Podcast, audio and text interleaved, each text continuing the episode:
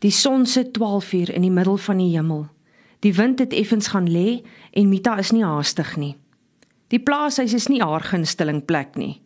Gertryda Duisel is anders as Hetta minnaar. Met Hetta kan sy gesels, maar vir Gertryda sê 'n mens net ja of nee. Eintlik net ja. Ou nooi of nee ou nooi. Mita glimlag geamuseerd so by haarself, want dink sy, nie Hetta of Gertryda wil verstaan hoe die oorlog ander mense as Afrikaners ook arm gelos het nie. Jakob is mos in die konsentrasiekamp op Brandfort gebore, waar sy ma en twee broers en 'n sustertjie dood is. Toe Jakob en sy pa na die oorlog op die plaas kom waar sy pa gewerk het, was alles afgebrand. Hulle strooise, hulle oeste en hulle beeste. Deur dieselfde Engelse. Hulle moes tussen die plase loop werk en blyplek soek, want nie hulle of baas van Kronje het iets oorgehad nie. Nie eens 'n hoendertjie nie. Dis hoe ons mense hier op Varkensfontein beland het, sê sy hardop vir die haan wat voor haar in die voetpad skrob. Ook maar dun van die droogte. Nou dat die wind stiller is, is die droogte opvallender. Dit is amper Augustus en die reën was laas somer ook nie goed vir ons nie, dink Mita. Die droogte is die Here se boodskap, sê Jakob. Voor haar vlieg 'n visant skril en skielik uit 'n droë graspol op. Mita gaan staan stil toe die kleintjie op haar rug kerm. Seker van die voël se geskree wakker geword. Mita kyk die visant agterna waar dit net 'n entjie verder weer gaan sit. Skel en verder hol. Is my wêreld die, dink sy. Hoe lyk die stad waar die dogters werk? Is daar ooit 'n visant of 'n tarantaal? Seker net mossies. Sy loop verder. Die Here het ons op hierdie plek geplant, gesels sy met die visant. Maar ons het van self bietjie dwars kom groei, sê Jakob mos altyd. Mita stryk aan plaashuis toe waar die son in die vensters blink. Voor die groot venster staan 'n groot vrou. Sy draai met 'n snork van die venster af weg toe sy Mita oor die werf sien naderkom. Kompleet asof sy Mita se gewaggel in die koue son nie hoef te aanskou nie. Gladte eie met die bywoners se vrou. Sou sweer hulle is vriendinne, dink Gertryda Duisel en loop kom bys toe. Dis nou maar so. Die arm blankes en die swartes sal ons maar altyd so by ons hê. Die moeilikheid is net die dag as die spul begin eie raak met mekaar. 'n Mens kan hulle nie vertrou nie. Hulle is almal dieselfde. Gertryda loop met die lang gang af kom bys toe. Sy wil in die kombuis wees wanneer Mita klop. Sy weet sy moet klop, maar 'n mens moet in die kombuis weet wanneer die bediendes inkom. Al is die suiker en die koffie in blikke weggesluit. Hulle moet weet hulle kan nie sommer net kom en gaan soos hulle wil nie. Hulle moet weet wie se kombuis is dit. Langs die nuwe koolstoof in die ruim kombuis sit die seentjie ingedoke op die lae kas waarin die fynhoutjies is. Dis al asof hy met sy krom skouertjies in die douwer probeer inkruip om die hitte in sy maar lyfie te kry. Die vaalhoed is oor sy ore getrek en die grys struise moue lyk te lank vir die kereltjie. 'n diep hoesby oorval hom toe Gertryda by die deur inkom. "Hoe voel jy, Jopie?" vra sy. "Bietjie beter, ma. Net my kop voel nog dik. Ek dink ek sal môre ook nie skool toe kan gaan nie." "Dit sal ons môre besluit," antwoord sy ma. Mita klop. Gertryda gaan by die tafel sit en wag eers 'n hele ruk voordat sy roep dat die deur oop is. Gertryda duisel laat haar nie deur haar minderes aanjaag nie. Die twee vroue staan woordeloos teenoor mekaar. Gertryda net binne die drempel, Mita nog buite. Gertryda wag dat Mita groet en eers toe sy gedienstig môre ou nooi sê, blaf die witte iets wat na groet klink.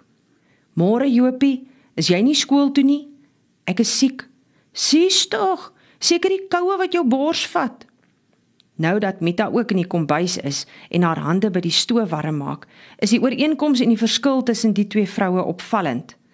Albei te vet, maar dit pas Mita want die oorgewig is in proporsie. Die suigeling onder die kombers op haar rug is daarom ook 'n verduideliking van hoekom die ou lyf nog nie weer na die swangerskap reg is nie. Gertryda se drie seuns is al ouer en soggens in die skool. Die wit vrou is veel langer en die oorgewig sit opvallend in rolletjies om die groter maag en as sy haar moue opskuif, sien 'n mens die vet flappe onder die boarms. Mooi is Gertryda duisel regtig nie. Die grys hare te reguit en die oë te ver uitmekaar uit. 'n Mond wat makliker skel en skinder as wat dit lag. Ek sien ou Hetta het weer teetyd in die wind geloop, sê sy. Was seker weer by die Engelse vrou. Mies Amlet se baba is naby, antwoord Mita. Dis seker nog maande. 3 weke het hy uitloop hoor hoe dit gaan. Somme net 'n gatkruipery by die Engelse. Die lang vrou kom voor die stoof staan. Mita skuif weg sodat sy nie weggestamp word nie. Koffie, beveel Gertryda. Dis al hoe sy die koue uit haar lyf uit gaan kry. Al sluit die deure en die vensters dig teen die ysige wind wat weer uit die suidweste agter die stof aan oor die winterveld jaag. 3 weke sê jy, vra Gertryda toe Mita die koppie koffie voor haar neersit. Melk en suiker klaar in en geroer. 3 weke, maar Hetta sê dit lyk of die vrou nie gaan melk hê nie. Mita draai weer stoof toe. Moet dan maar op skuld by ou Goorstini lospermelk kry, sê Gertryda. So 'n kleintjie kan nog nie beesmelk drinkie, jy weet mos. My drie seuns het ek met beesmelk grootgemaak. Mens moet dit net kook. Dis nie almal wat dit kan vat nie sal seker iewers bokmelk kan kry. Die mense het nie geld nie, sê Mita en sit twee swart strykysters eenkant op die stoof. Die delwers het nooit geld nie, suip alles uit. Angus Marie drink glad nie. Die hele spul suip net so baie soos julle. Ek en Jakob het nog nooit gedrink nie. Gertryda duisel skuif die koppie koffie terug oor die tafel, half gedrink soos haar gewoonte is, behalwe as sy dit self gemaak het. Iets wat ook nie al te dikwels gebeur nie. Sy wil net opstaan toe daar hard aan die voordeur geklop word. Voordeur, sê Mita. Wie sou dit wees? Stini natuurlik, net sy wat by die voordeur mag inkom. Sy en die dominee se vrou en die skoolinspekteur, jy weet mos. Moenie jou met my komparmante gou nie, Mita. Gaan jy nie die deur oopmaak nie? Stini kan weer klop of omloop Ek sien nou lus vir haar praatjies nie. Boonop is die twee stout kinders van haar ook nog saam met haar. Dis skooltyd. Hulle is nog lank nie in die skool nie. Hulle is nog te klein, sê Gertryda. Sy dink omdat sy gebreklik is, kan sy maak soos sy wil. Jy's hard ou nooi. Tussen die spulbure waarmee die Here my moet straf, moet 'n mens hard wees, Mita. Mita lag. Trek die strykombers oor die punt van die kombuistafel en lig die een strykyster van die plaat af sy lekker wysvinger en toetsie hitte. Stini weet sy te lyf, maar jou man is gelukkig by die hamermeel besig, sê sy en loop die huis in om die strykgoed te gaan kry. Jy soek my, sê Gertryda. Loop haal die wasgoed. Die klop aan die agterdeur is hard. Môre Stini, groet Gertryda toe sy die deur oopmaak. Die ander vrou kom in sonder dat Gertryda haar innooi. Skyns agter haar die twee dogtertjies asof hulle aan haar ma se rok vashou die twee koppies naby mekaar asof iets vir hulle vreeslik snaaks is. Die mense sê hulle lyk op hulle oorlede pa se mense, want hulle is nie naaste by so mooi soos hulle ma nie. Dit lyk darm of hulle so lenig lank soos hulle ma sal wees wanneer hulle eendag groot is. Seker so 4 en 5 jaar oud. Die mense sê die oudste enetjie Annie moes gemaak gewees het nog voordat die lospers getroud is. Dit is nou as jy die maande tel. Die kleintjie, Sunny, het die 9 maande ook net net gemaak. Stini is 'n pragtige vrou. Donker hare, seker so in die vroeë 30's met 'n glimlag wat die meeste vroue van Muurse Hoop kriewelrig maak en die mans van Muurse Hoop opgewonde. Eintlik is dit haar lyf wat die mans aan huweliks ontrou laat dink. Daar's nie nog so 'n lyf in die hele distrik nie. Nie eens die losvroue wat Saterdag in die Delwery se kroeg kom sing nie lang bene, perfekte heupe. Net jammer van Stini se linkerarm, maar sy so gebore. Nou hang die truise linkermou hier van die elmboog af leeg. Gebore sonder die onderste deel van die linkerarm. Hou voor die elmboog net sommer op, maar sy bly die mooiste van almal, sê die manne as hulle vrouens nie by is nie.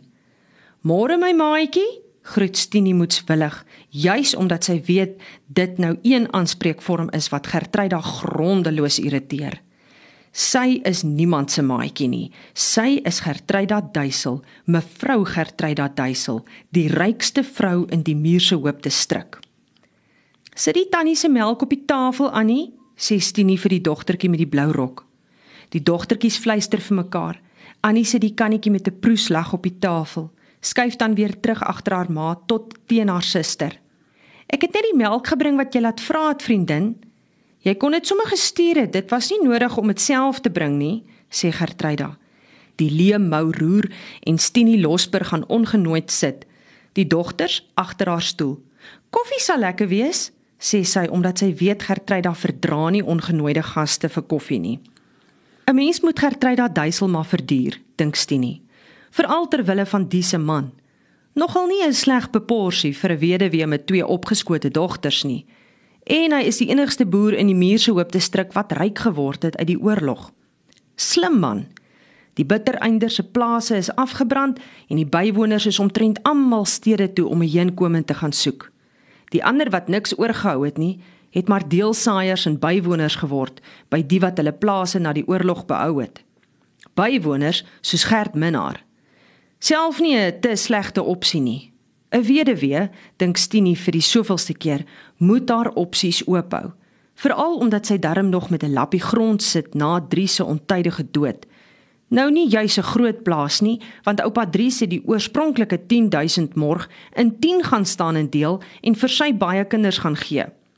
Nou sit sy wat Stinie is op 'n stuk grond wat te klein is om 'n goeie lewe op te maak. Is jy nie haastig nie? vra Gertruida sonder om die koffiegoed uit te haal. Nie so bitterhaastig nie my maatjie. Ek moet nog by die Engelse vrou langs. Sy skuld my nou al die laaste 2 maande se melkgeld. Delwers betaal nie hulle skuld nie. En by die Engelse sal jy niks kry nie. Mita sê Jakob sê hulle kry niks in hulle claim nie. Jy ken my Gertruida, as my geduld die dag opraak, speel ek nie meer nie. Stinie staan op asof sy skielik haastig is. Ek dink ek moet eers oorstap Pondok toe en my skuld gaan loop opeis. Die vrou se tyd is naby, begin Gertruida en staan op. So sê Mita, voeg sy vinnig by, asof sy daarmee verduidelik dat sy self niks met die Delwer vrou te doen het nie. Sy is nie die eerste mens van Muurse Hoop wat swanger is nie, sê Stinie en stap deur toe met die twee dogters fluisterend onder haar voete. Ek het self twee dogters en jy en jou drie seuns. Swanger is nie 'n verskoning vir skuld nie. Stinie is opsigtelik besig om haarself daarvan te oortuig dat Amlet Marie nie die geld gaan hê om haar melkrekening te betaal nie.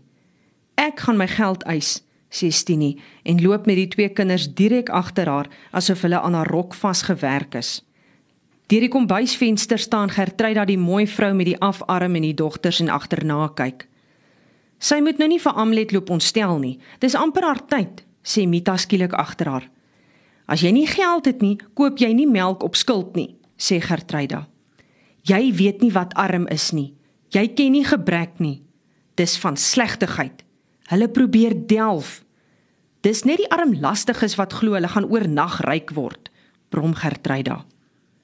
Baie het al die diamante gekry, hou Mita vol, en alles uitgesuip. Julle het ons van die Bybel geleer, ou nooi, maar ek sien nie aldag die liefde by julle nie. Mita sit die skottel skoon wasgoed op 'n stoel langs die tafel neer. Haal 'n kakie hemp uit, sprei dit op die strykombers oop en skep 'n handjie water en sproei die hemp voordat sy die yster van die stoof afhaal. Op haar rug steun klein Jakob. Gertruida duisel bly voor die venster staan en kyk hoe Stinie die wind in die voetpad delwery toe vat.